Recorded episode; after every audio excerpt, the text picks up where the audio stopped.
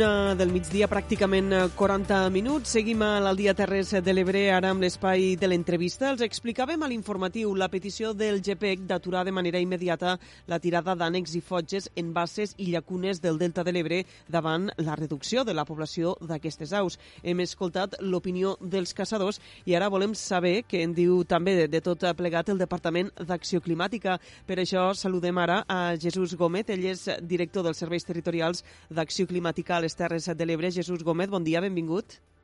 Hola, molt bon dia.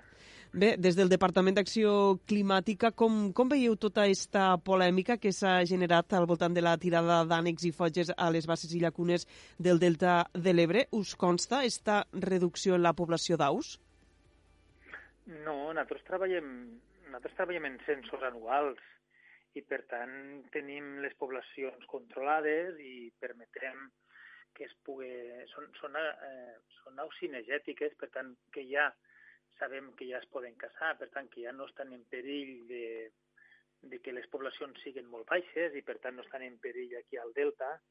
I nosaltres considerem que en els censos que fem anualment i, i en la gestió que estem fent justament juntament en les societats de caçadors eh, no ha d'haver cap problema per a la viabilitat futura d'aquestes poblacions.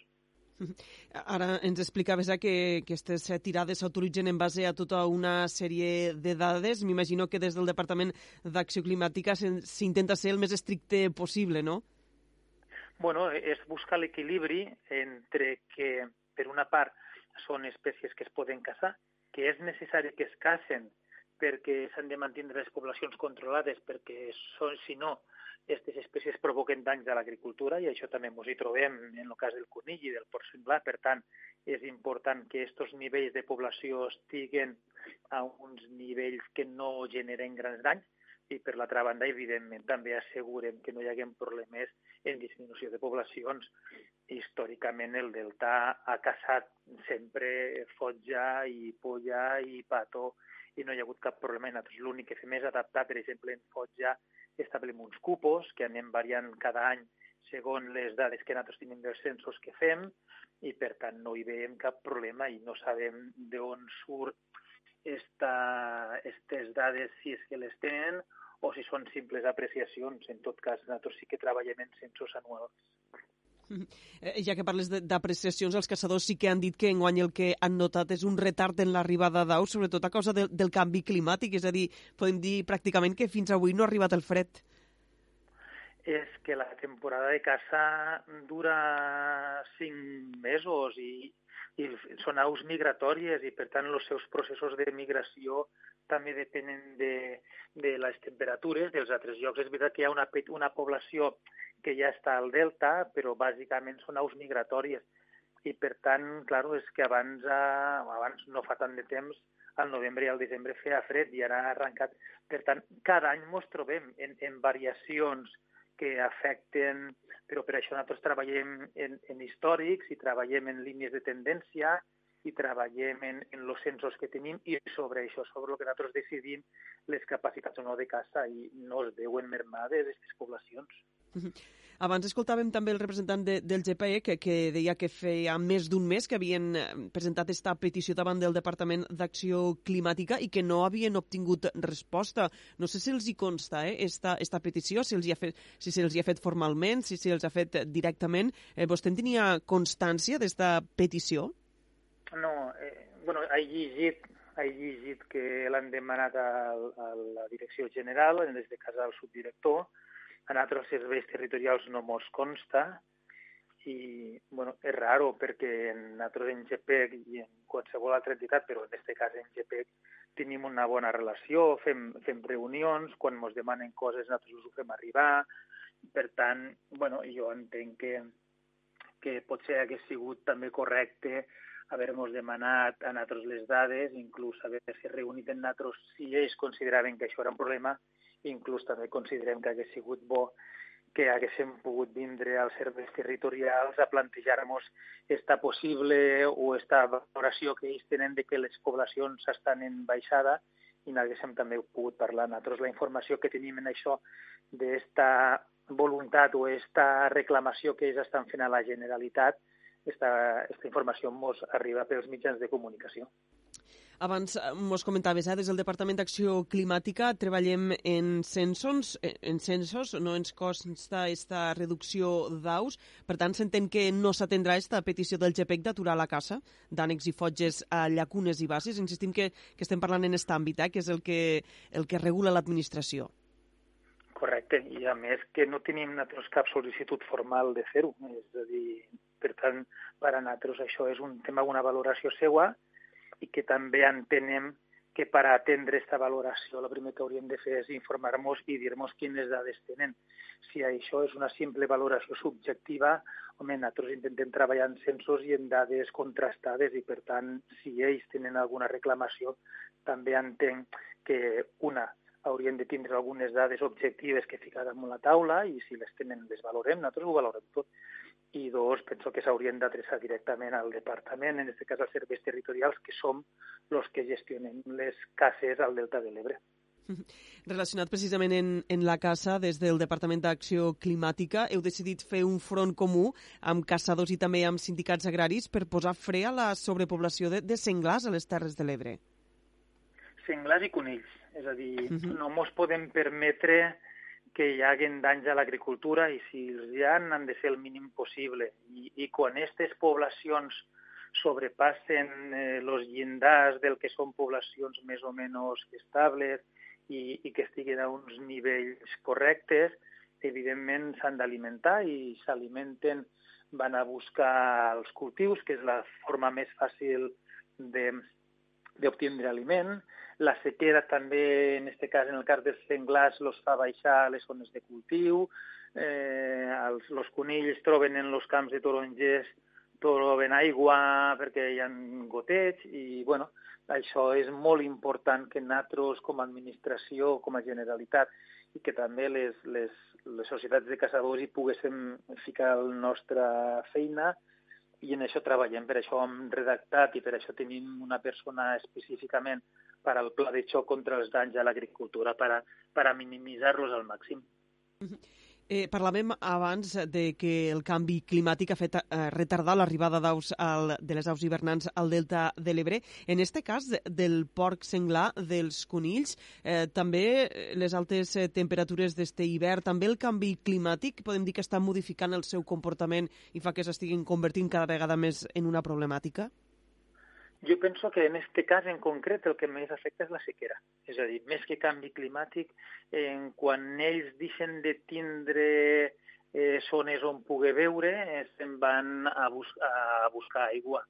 I, per tant, l'aigua la tenen al riu i és el que estem trobant, és a dir, que el port singlar està baixant cap a les zones de riu, està entrant al delta de l'Ebre bastant, i, i per tant, eh, este és lo, lo, això genera problemes. També és veritat en el cas del port senglar, que està començant a acceptar més la presència humana i, per tant, se mou més en urbanitzacions que abans. Abans no, no hi entrava tant, i ara entra urbanitzacions, i per tant aquí se ens estan generant problemes en, en com està evolucionant aquesta espècie i per tant nosaltres també ens hem d'adaptar i per això també nosaltres estem en aquests moments treballant en gàbies perquè hi ha zones on no pots fer unes actuacions en, en escopetes com són urbanitzacions, com són a prop de, de carreteres o de línies de comunicació, i en aquest cas també per això treballem en aquest sistema per a, per evitar això, per evitar aquestes poblacions de senglars en llocs on no haurien d'estar.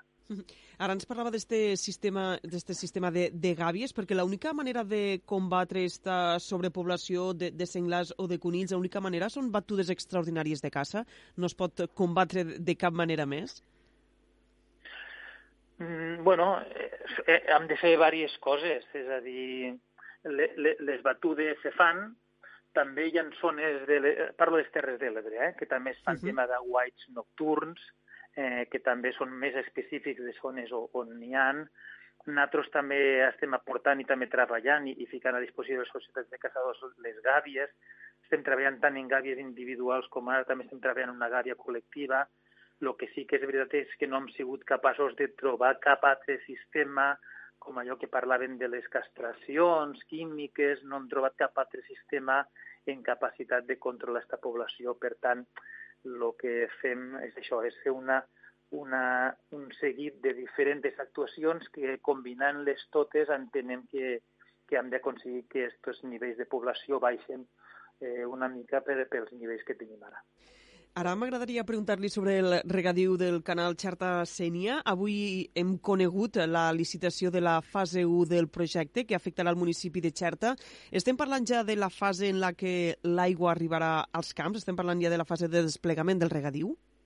Sí, eh, arribarà aproximadament unes 200 hectàrees, però també el que fem en aquesta primera fase és en ficar altra vegada en funcionament totes aquelles infraestructures que ja teníem i que s'havien quedat velles o s'havien quedat degradades, com són totes les bombes de funcionament, com és tota la captació al riu, com és la tuberia i com són les bases que hi ha dalt, algunes de les quals ja la lona s'havia perdut totalment i, per tant, aquesta infraestructura no és una infraestructura específica per a la fase 1, sinó que és una infraestructura ja per a poder donar aigua a les fases següents de, del rec del Xerta-Sènia. Per tant, fem tot això, aquesta és una part important, que també després ja ens ha de permetre poder subministrar aigua a les fases 2 i 3, i després fem específicament aquestes quasi 200 hectàrees de la zona de Xerta, a les quals ja arribarà per fi eh, aigua a peu de finca i bàsicament al cultiu de les oliveres, cosa molt necessària també. Per tant, ara sí que podem dir que es tracta de la posada en marxa de, del regadiu del canal Xarta-Sènia. Està previst que, que projecte s'executi al llarg d'este 2023 i, mentrestant, s'anirà treballant ja amb, la, amb les següents fases? Sí, és a dir, ara arrenquem. Ja aquesta licitació de 2,9 milions ja ens permet arrencar. Hi haurà un concurs públic on se presentaran unes empreses que seran les adjudicatàries i que la idea és que a finals d'any tot això ja estigui en marxa evidentment hi haurà una, una fase de proves, tot això s'ha de tornar a arrencar. La idea ja és que per a principi del 24 aquestes 200 hectàrees o quasi 200 hectàrees ja puguen tindre aigua i puguen regar, però paral·lelament ja estem dissenyant, ja estem redactant tots els projectes de les fases 2 i 3, on anem quasi, quasi als 3.400 hectàrees que podem, que podem regar i, per tant, ja, ja prendrà forma és important que l'anessin executant en este rec del Xerta-Sènia perquè, i més en la sequera ho estem veient, hem d'assegurar les collites d'oliva, hem d'assegurar les qualitats, hem d'assegurar que podem cultivar i que podem mantindre les collites si hi ha més aigua o si n'hi ha menys. Són, són recs de suport, per tant, hi haurà anys més pluviosos on no farà falta, però en anys més secs sí que caldrà utilitzar aquesta aigua. Sí, perquè precisament enguany no ha sigut una campanya massa bona per, a, per al sector de l'oli, amb una reducció de la producció en alguns casos de, de fins al 50%. I més, i fins al 70 i fins al 80, és a dir, quan, quan no tenim un rec de suport, quan no tenim aquella capacitat de donar-li aigua a la planta quan la necessita i només depenem del cel, doncs mos passa això, que podem tindre anys bons i podem tindre anys com ara que ha baixat molt. També l'olivera és, és un tipus de, que després d'un any molt bo patix als anys següents, però també és bàsicament perquè no som capaços de donar-li l'aigua en la quantitat precisa, però sobretot al moment determinat. I això és el que ens ha de permetre este rec. Penseu que Terres de l'Ebre és la zona de Catalunya que més oli produeix i, per tant, la voluntat és que el rec del Xerta-Sènia eh, sigui capaç d'estabilitzar aquestes produccions, de donar més qualitat i que de la gent que s'hi dedica del camp no estigui mirant al cel, sinó que pugui tindre un rentes més garantides en la, en la implantació d'aquest rec. Per, per anar acabant ja l'entrevista, just divendres se complixen tres anys del pas del temporal Glòria, que, que va posar en evidència la fragilitat del Delta de l'Ebre. Tres anys després, quina situació considera que, que hi ha ara mateix al Delta de l'Ebre? Bueno, jo penso que en este últim any hem evolucionat bastant, és a dir, nosaltres com a Generalitat vam presentar una estratègia on teníem molt clar què era el que volíem fer, que bàsicament era guardes de protecció interior, que són guardes d'un metro vint d'alçada, per tant, mos permetran eh, assumir pujades de nivell de mar de 80-90 centímetres, i també tindré un frontal de delta en platges molt llargues, en platges eh, molt amples i en dunes de tras. I per això també hem establert que ens caldran entre 9 i 11 milions de metres cúbics.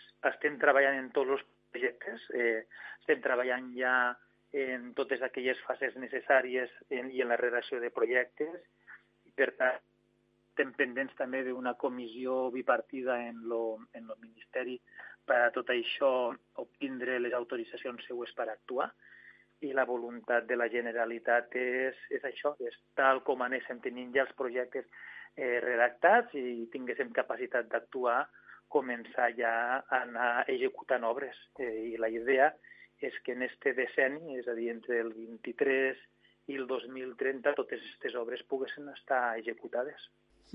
Ara ens parlava de l'estratègia Delta, precisament estan en marxa aquests treballs de batimetria de, de tot el que és la costa del Delta, aquests treballs estan en marxa, suposo que, que aviat es tindran ja els resultats, no? Un treball que, que també és important per a definir els projectes futurs que s'han de fer al Delta. Sí, claro, és que la qüestió és que sortim de zero, absolutament de zero, de no tindre res, i per tant en aquests treballs de batimetria ja te permeten, és a dir, no deixa de ser un alçament topogràfic, això te permet dir què vols construir aquí damunt, per tant, mm, eh, com hem de col·locar l'arena, penseu que no només és l'arena que fiquem a la platja, l'arena emergida, sinó que l'arena submergida també ens ha de generar uns platjars interiors a la, a la mar que ja comencen a disminuir la força de les ones, per tant no, no, no és fer un muro d'arena, sinó que és fer una platja emergida i una submergida. Per tant, aquí hi havia molta feina a fer. La primera era esta, era esta, esta batimetria que ens donés els perfils existents i que ens permetigué dissenyar com han de ser els perfils futurs i en la voluntat de tindre platges de 150 metres d'amplada. Fixeu-vos que si retornem a amplada, a tot el frontal del delta, on anem a una línia de costa molt similar, molt similar al que teníem a l'any 1983. Per tant, la idea, si li vols dir, és guanyar-li 40 anys en esta, en esta línia de platja.